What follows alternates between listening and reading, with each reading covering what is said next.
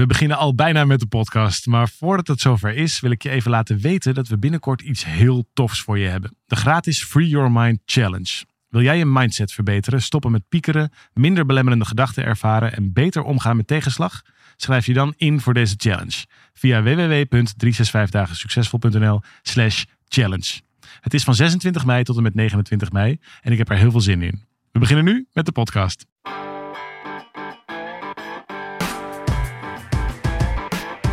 Van harte welkom bij deze podcast van 365 dagen succesvol. Wij zijn David en Arjan en we delen in deze podcast de eye-openers die cruciaal zijn voor een gelukkiger leven.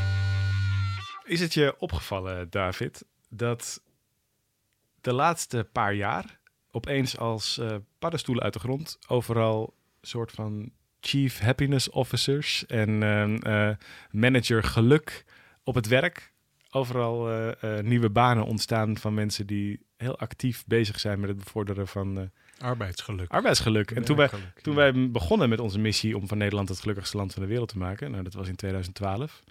Toen werden wij nog wel eens een beetje raar aangekeken dat we het überhaupt over geluk, geluk op je werk, geluk in je relatie, gingen hebben. Maar sterker nog, we hebben zelfs uh, wat advies gehad, waaronder, uh, waaronder onze uitgever, die zei van ja, je moet het eigenlijk niet over geluk hebben, want dat is geen businessmodel op zich.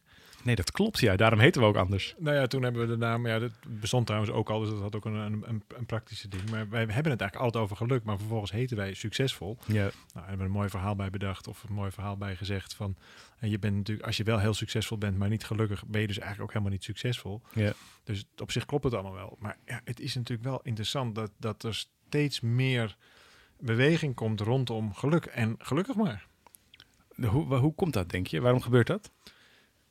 Dat er meer beweging komt rondom geluk? Ja? Nou, ik kan me wel voorstellen dat we... We, leven duidelijk in een andere tijdsgeest. En ja. waar, het vroeger... Uh, ja, was natuurlijk ook wel logisch. Je was lang blij als je een baan had. En dan ja. vervolgens was je doel om hem zo lang mogelijk te houden. Ja. Uh, ik, ik, ik heb zelfs nog wel vrienden die ooit hebben gezegd van... ik ga hier mijn pensioen ophalen. Oh ja.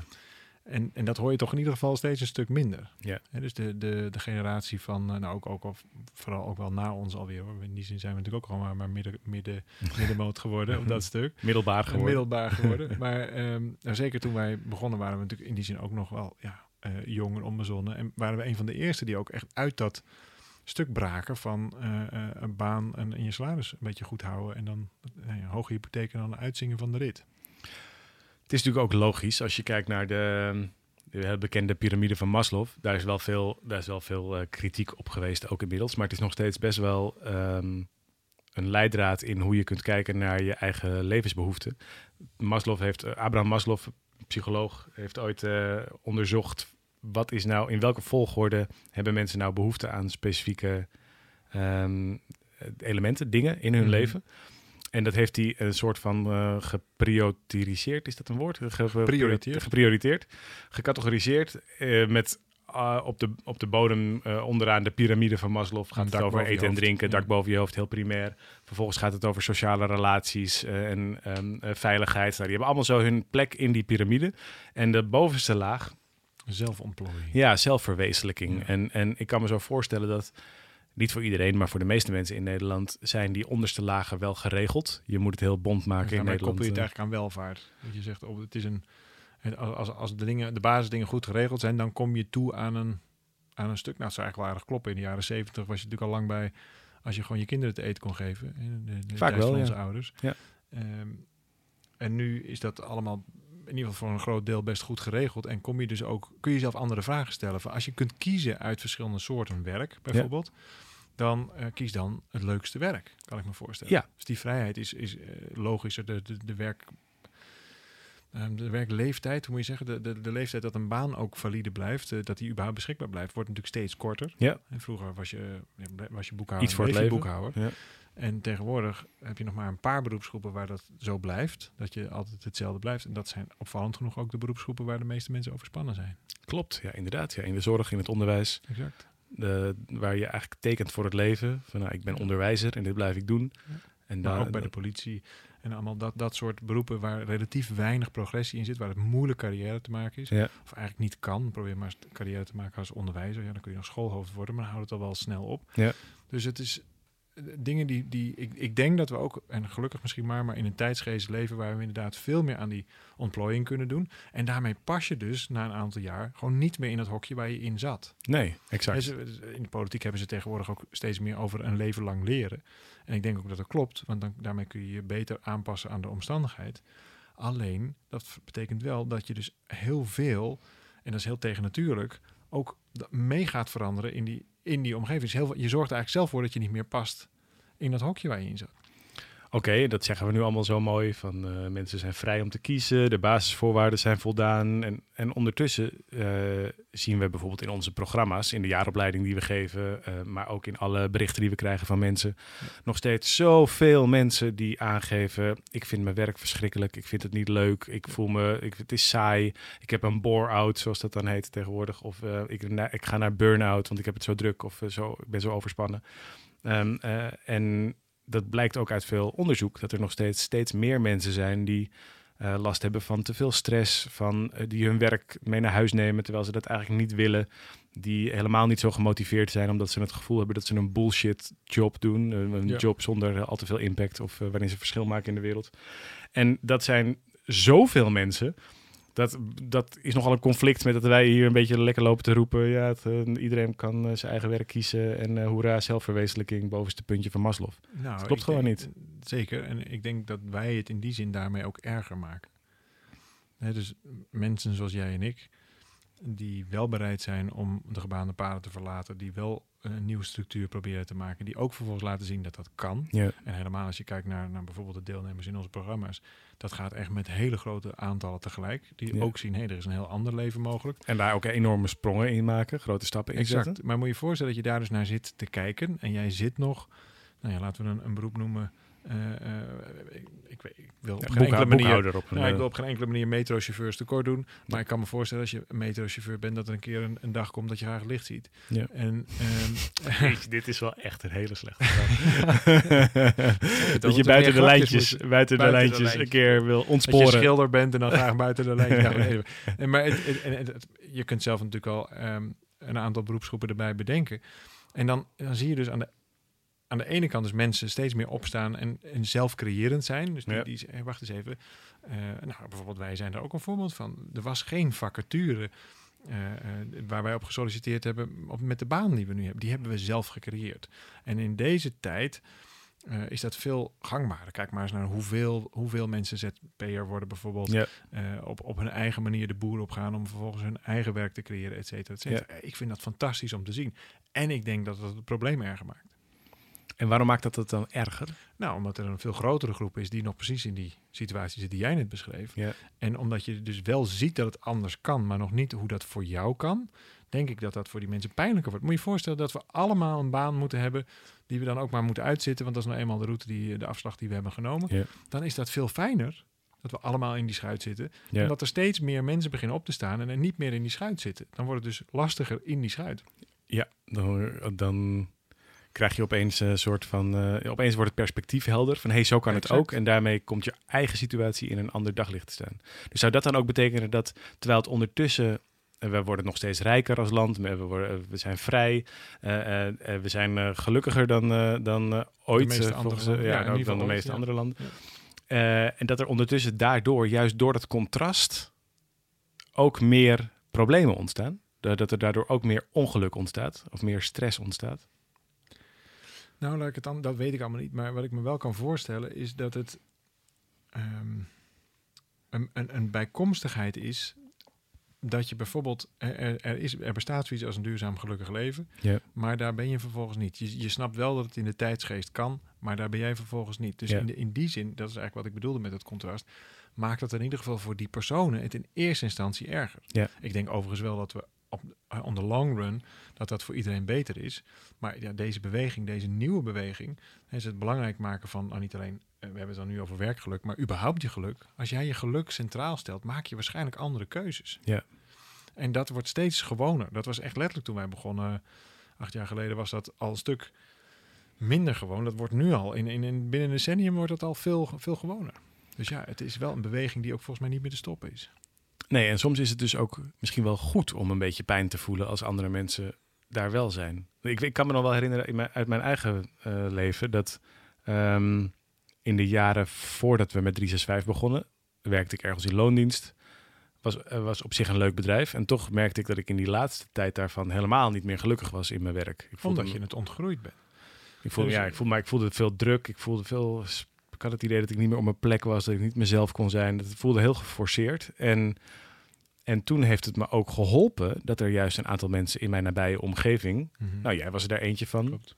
Eh, jij, jij bracht in die periode je eerste boek uit, volgens mij, Ja. als ik me dat goed herinner. Eh, en daar waren er nog een aantal die juist zeiden: Oké, het, is, het is mijn moment gekomen om eh, het zelf te gaan bepalen. Of Mhm. om me niet meer daarbij neer te leggen. Misschien is dat nog wel meer. Dat, je- dat, je, dat je ook aan jezelf, of dat ik bij mezelf toestond. Van wacht even, het, als ik op dit niveau blijf spelen, is dat mijn eigen keuze. En toen opeens, toen kon ik dat ook niet meer toestaan of zo. Nee, maar dit is precies die verantwoordelijkheid die voor veel mensen dus natuurlijk best wel zwaar is. Want kijk, het is wel zo dat iedereen zijn eigen leven kan creëren. Sterker nog, zelfs als je het idee hebt dat je het niet doet, doe je het alsnog. Want Ja. je creëert natuurlijk altijd je eigen leven op basis van de keuze die je Ja. maakt. En hoe jij omgaat met de omstandigheid waar je in zit. Alleen inderdaad, nou precies zoals jij, als je ineens mensen in je omgeving een soort nou, bijna antisysteem ziet, ziet oprichten. Hè, dus ze, stappen uit dat be- betaalde systeem van oké, ik ruil mijn tijd voor geld, bijvoorbeeld. Wat- Zekerheid, eh, ja, veiligheid. Wat de meeste mensen doen in, in, in werknemersverband. Ja. Dus ik lever jou wat tijd. Binnen die tijd lever ik mijn talent. En jij betaalt mij daar wat geld voor. Dat is de ruil. Ja. En dat is denk ik, zeker als je kijkt naar de generatie nog weer onder ons, dus die na ons eh, komt, steeds minder belangrijk aan het worden. Mensen vinden het helemaal niet meer belangrijk om superveel geld te verdienen, dus heel snel carrière te maken. Nee. De millennials geven al aan dat ze ge- geef me gewoon iets waar ik van hou. En Ja. dan blijf ik sowieso wel loyaal. Ja. Dus laat mij iets doen wat bij mij past. En dan ben ik ook wel bereid om daar een veel lager salaris voor te ontvangen. Ja, is dat zo? Want dat is natuurlijk, eh, dat wordt vaak gezegd over millennials. En ondertussen is dat natuurlijk ook de generatie die vanwege economische crisis en zo minder opties hadden. Dus het systeem was er ook minder, eh, eh, nou ja, minder eh, verwelkomend, zou je kunnen zeggen. Dus ze konden misschien ook wel moeilijk anders. En lange tijd zijn ze natuurlijk ook vanwege simpelweg hun leeftijd en de fase in hun leven ook nog niet op de plek geweest waarin ze bijvoorbeeld een gezin gingen stichten Mhm. of een hypotheek gingen nemen en zo. En ja, dan is het ook nog wel. Ja, dan, dan kan ik me ook nog wel voorstellen dat je zegt: doe maar lekker vrijheid, blijheid en geld doet er niet toe. Maar zou je niet denken dat op een gegeven moment dat ook dan verandert? Of denk je dat dat een generatie-essentie is die ze ook meenemen als ze 40 zijn of 50 zijn? Of, Nou ja, wat je, dat, dat, ook dat weet ik niet. De tijd zal dat leren. Maar ik kan me wel goed voorstellen dat eh, millennials, maar dat heeft denk ik meer met hun opvoeding te maken. En, en al helemaal de generatie die daarna komt. Het wel moeilijk heeft met bijvoorbeeld het omgaan met tegenslagen. Ja. Kijk, wij zijn nog opgevoed in de tijd dat als ik niet luisterde aan tafel, kon ik mijn eten bovenop eten. Ja. En had ik daarmee te dealen. Ja. Nou wil ik dat helemaal niet aanmoedigen als opvoedstijl. Daar Nee. gaat het helemaal niet over. Nee. Maar tegenwoordig wordt er veel gesproken over curling-ouders. Hè, dus de, opvoeding waarbij alle obstakels worden weggepoetst. Een kind Ja. moet zo'n zo'n zo'n ontspannen mogelijk, zo'n glad mogelijk en veilig mogelijk leven hebben. Ja. En dat is natuurlijk met, vanuit alle liefde is dat natuurlijk ingezet. En, en ik, ja, ik weet ook niet of ik daar nou per se zo, tegen moet zijn. Maar ik, volgens mij doe ik het zelf ook in hoge mate. Mhm. En toch zie je bij die mensen op latere leeftijd dat het veel moeilijker is om, om een keer om te gaan met wat druk. Want in één keer ben je aan het werk en in één keer krijg je die verantwoordelijkheid. En oeh, sta je er ineens voor. Ja. En dan wordt er wat van je gevraagd. Of moet je om kunnen gaan met een tegenslag. Kwetsbaar ego er iets van vinden. ja. Exact. Ja. Dus ja, ik weet het niet. Ik ben wel door die analyses ben ik wel eh, positiever gaan kijken bijvoorbeeld naar mijn eigen opvoeding. Oh ja, over de opvoeding die je hebt gehad bedoel ja, je? ja, ja, ja, oh ja, zeker. Ah, dat, is echt, Ja. dat is wel mooi. Want, en hoe zou dat dan zich vertalen naar werkgeluk? Want wij zeggen steeds meer mensen gaan expliciet zoeken naar werkgeluk. Er ontstaan hele functies omheen. Ja. En ondertussen zijn er ook eh, steeds meer mensen die juist nou, het systeem willen ontsnappen of, daar, eh, of zich helemaal niet zo gelukkig of overspannen voelen op hun werk. Komt dat dan ook hierdoor, door, dit, door, nou ja, door die eh, behoefte aan vervulling of zo, die millennials misschien meer hebben, of door de veranderende opvoeding? Hoe zit dat dan? Nou, ik hoop dat er een, een, een diepere laag is dan dat. Namelijk dat elk mens zichzelf uiteindelijk op een veel dieper niveau wil leren kennen. En Ja. hoe doe je dat? Door dingen te doen die je daarvoor nog niet hebt gedaan. Dus als je iets doet wat nieuw is, leer je jezelf meer kennen dan op het moment dat je 100 jaar hetzelfde doet. Ja. Dat wist je namelijk al. Ja. En dan kom je dus in die bore-out terecht. Ja. Maar op het moment dat je steeds dingen wilt doen, en dat is volgens mij een beweging van binnenuit, die nieuw zijn, maar je krijgt er vervolgens veel stress van. Je krijgt er veel, veel, veel tegenwind op dan moet je daar vervolgens weer tegen kunnen. Dus dat ga, als, je, als je dan in die stressgolf blijft hangen, dan raak je er overspannen van. Dus ja, we hebben gewoon te, te, te maken met een veranderende tijd. in die veranderende tijd ehm, zijn wij ook ons als mens, om het maar even eh, te algemeen, algemeen eh, te zeggen, zijn we onszelf ook aan het aanpassen op die mogelijkheid. En ja, ik juich hem wel toe, omdat ik denk dat het uiteindelijk misschien wel een stuk leuker is met mensen die hun, hun ding ervan maken. Die iets nieuws gaan doen. En, en als je dan nog zwaarder bekijkt. Die niet op hun werk komen, maar die in hun leven komen, zou je eigenlijk kunnen Nou zeggen. ja, als je kijkt hoe de wereld ervoor staat, Ja? dan hebben we wel best wel een aantal forse uitdagingen. Ja, Ik denk als we niet even heel snel wakker worden, dat het er over 100 jaar een stuk minder gezellig uitziet dan waar we nu zijn. Zou kunnen. Ja. Dus we, volgens mij moeten we juist die mensen omarmen. Dat ze eh, dingen op een andere manier durven doen. Dat ze op een andere manier in plaats van de, de geëikte manier de dingen doen. Want anders dan, dan wordt het volgens mij quadratair erger. Ja. En staan we er over 100 jaar, als we deze lijn volgen, niet zo heel best voor. Nou, dan helpt het denk ik wel als een paar mensen eh, voor hun dingen echt belangrijk maken. Dat vanuit een zekere mate van vrijheid doen. En dan nou, is er misschien nog wat redding mogelijk. Oké, dus jij zegt het is goed dat er meer aandacht is voor werkgeluk. Het is ook goed dat mensen daarin ook hun eigen afweging gaan maken en ook kiezen om dat misschien buiten het systeem of aan de randen van het systeem voor zichzelf te gaan doen. En zich minder neer te leggen bij alles wat er moet, verwacht wordt en, eh, en zoals het altijd is gegaan. Dat is allemaal een goede ontwikkeling. Ja, nou ja, weet je, ik ik ga niet, en jij volgens mij ook niet over wat goed is en niet goed is. Eh, het is een beweging die volgens mij in is gezet. Daar dragen wij op onze manier aan bij. Eh, en die is denk ik niet meer te stoppen. Dus dat is veel meer een constatering. Nou, wat me wel opvalt, eh, wat ik denk dat het helpt, is dat we er veel meer van weten inmiddels. Ja. En dat is, weet je, vroeger werd heel erg gedacht, Klopt. Er werd de vraag ook aan kinderen gesteld van, ah, wat wil je later worden? En dan zei je iets brandweerman of zo, of stewardess of juffrouw of Ja. dokter. Want dat, dat, dat, dat werk was leuk. En daarmee zat eigenlijk het, het idee van werkgeluk gekoppeld aan de rol die je had. Inmiddels weten we natuurlijk door geluksonderzoek en eh, de ontwikkeling van de psychologie enzovoort, Ja, dat het helemaal niet zo zit. Ja, neurowetenschap. Ja. Dat het gewoon helemaal niet waar is. Klopt. Het maakt gewoon geen fluit uit wat voor werk je doet. Klopt. Zolang je dat maar doet binnen bepaalde omstandigheden. Dus dat je je eigen autonomie hebt, dat je voldoende verantwoordelijkheid kunt eh, nemen, dat je met leuke mensen om je heen werkt, dat je het gevoel hebt dat het ertoe doet wat je Je doet. kunt blijven groeien, dat je jezelf Dat je leert. een nieuwe situatie Ja, tegen kan komen. Dat je om kunt gaan met de tegenslag die je tegenkomt en dat je dat weer overwint. En daarmee, dat, is, dat zijn eigenlijk veel ehm, eh, minder rigide voorwaarden of zo. Je, hoeft dat, die je in principe in heel veel verschillende banen kunt vinden. Dus daarmee wordt het ook opeens veel logischer dat je in een carrière regelmatig Ja. wisselt. Of dat je je niet meer vastpint op één stuk wat je op één keer doet. En daar zou, vind ik, nog wel in. Weet je, wij krijgen natuurlijk vaak de vraag. Van, joh, hoe kun jij nou mensen gelukkig maken? Iedereen is anders. Dus hoezo? Hoe, eh, wat, wie ben jij nou om daar iets Ja. over te zeggen? En Dat klopt ook overigens. Wij gaan ook niet over het geluk van een ander. Dat is natuurlijk niet. waar. Nee. En tegelijkertijd is het wel waar dat we wel allemaal mensen zijn. En dat er dus een bepaald soort menselijke Zeker. mechaniek We of zo. allemaal zuurstof nodig. En we hebben Ja, ja, exact. allemaal bloed wat rondstroomt. Nee, zeker. Dus er zijn veel meer overeenkomsten. En in, in die overeenkomsten van wat duurzaam gelukkige mensen doen, kun je in ieder geval een hoop vertalen naar jezelf toe. En eens kijken of dat voor jezelf werkt. Het brengt me overigens een heel ander gek gedachtesprongetje, maar het brengt me wel op een, op een ludiek idee. Stel nou, nee, laat ik het anders zeggen. Zou jij het leuk vinden om één dag in je leven, of misschien wel één dag in per half jaar, de metro te besturen? Zou je dat leuk vinden? Eh, ervan uitgaande dat ik het zou kunnen. Nee, uiteraard. Dat je daar even een cursus voor, Ja. voor krijgt. Of, of desnoods dat er iemand even naast zit die dat, eh, die dat helemaal te gek vindt om je dat uit te leggen. Whatever. Ik zie dat je gaat voor, een roulatiesysteem gaat voorstellen ja, of zo. je Dat- voorstellen, dat lijkt me eigenlijk wel leuk, ja, om, me de- om metro leuk. te besturen. Ja, lijkt me echt lijkt heel me leuk. ook eens heel leuk om een dag vuilnisman te zijn. lijkt me echt heel of leuk. om eens een keer les te geven of zo. Lijkt me En ook heel leuk. ook hartstikke Ja, ja. leuk om één keer in de maand een dag voor de Of oude mensen te verzorgen. Dat, lijkt me heel leuk. Exact. Ja. Dus er zijn van wat wij allemaal zien als klotenbanen, om het maar even heel plat te zeggen. En ik noem zomaar even wat, wat banen. Gelukkig zijn er een hoop mensen die dat weer anders zijn. Maar ik zou het in ieder geval niet doen. klote banen. Nee, dat vind ik juist hele mooie, dankbare banen. Nee, maar om het de hele dag te doen bedoel ik. Ja. Dat je in, de, in, de, in die, die stressvolle of, of juist die bore-out banen. Oké. Maar op het moment dat je dat in een roulatiesysteem doet, ik weet helemaal niet of dit kan, hè, maar het lijkt mij hartstikke leuk om een keer dit of dat te doen. En dan, het, omdat het interessant is, omdat het nieuw is. En misschien nog wel vaker dan één of twee keer per jaar, maar in ieder geval zoiets. Maar niet de hele tijd. En dat ik al, al weet, terwijl ik daarmee begin, op weet ik veel, 22 jaar leeftijd. En dat ik daar dan vervolgens 40 jaar, 45 jaar eh, in, in oud moet worden, terwijl er niks verandert. Ja. Dat is volgens mij echt heel verschrikkelijk. En kunnen wij als maatschappij ook volgens mij iets aan doen. Ja. Dat dat helemaal niet meer hoeft. Nee, volgens mij is dat dichterbij dan we denken. Omdat als we met elkaar het gesprek niet meer gaan voeren over wat wil je voor baan doen. Of wie wil je dat je meteen met visitekaartjes of dat je op een Ja. verjaardag jezelf voorstelt van oh, ik ben Arjan en ik doe de en dit is wat ik doe.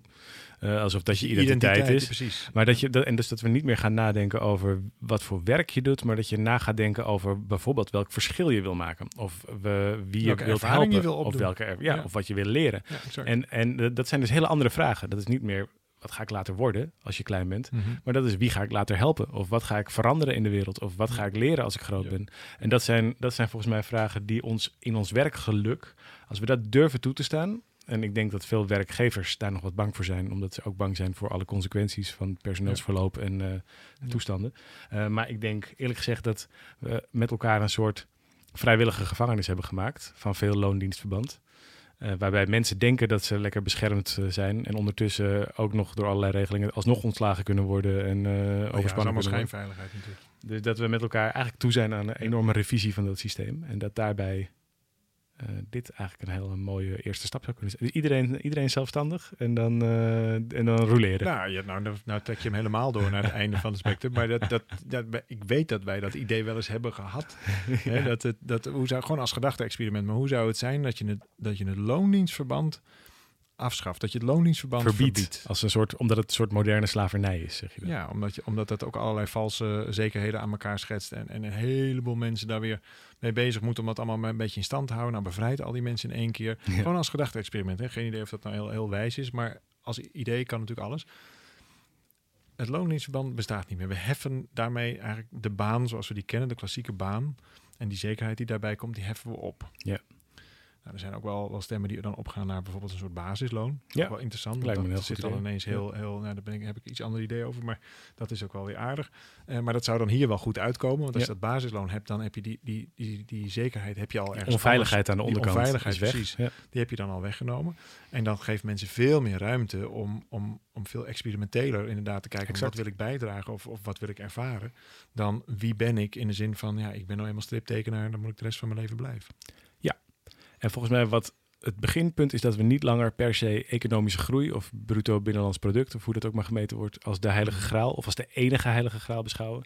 Maar dat we ook in de politiek en de manier waarop we koopkrachtplaatjes berekenen Ja. en Prinsjesdag insteken, dat dat niet alleen maar meer gaat over dit soort cijfers, maar dat het net zo hard gaat over de manier waarop mensen voldoening in hun leven ervaren. bruto nationaal geluk. Ja, zoals Bhutan dat doet. En dat is natuurlijk een beetje, die doen het vooral als marketingtrucje. Ja. Maar als we dat in Nederland doen, dan denk ik dat het best wel een. eh, een nou ja, er zijn niet zo heel veel landen in de wereld met zo'n goed uitgangspunt om dit serieuzer te doen dan dat wij dat nu doen. En ik weet dat er landen mee bezig zijn. Finland is er mee bezig. Nu gaat Nieuw-Zeeland er mee bezig.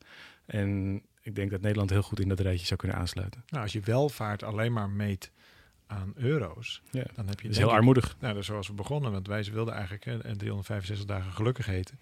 Nou, en dat is eigenlijk wat Nederland nog steeds meet, 365 dagen succesvol. Dat succes wordt gemeten aan de welvaart. Terwijl wij wel weten dat als je succesvol bent, maar niet gelukkig, is dat dus helemaal niet zo succesvol. Dus als er wel veel welvaart is, maar die welvaart die komt met een rekening dat dat mensen ongelukkiger maakt, ben je volgens mij geen steek opgeschoten.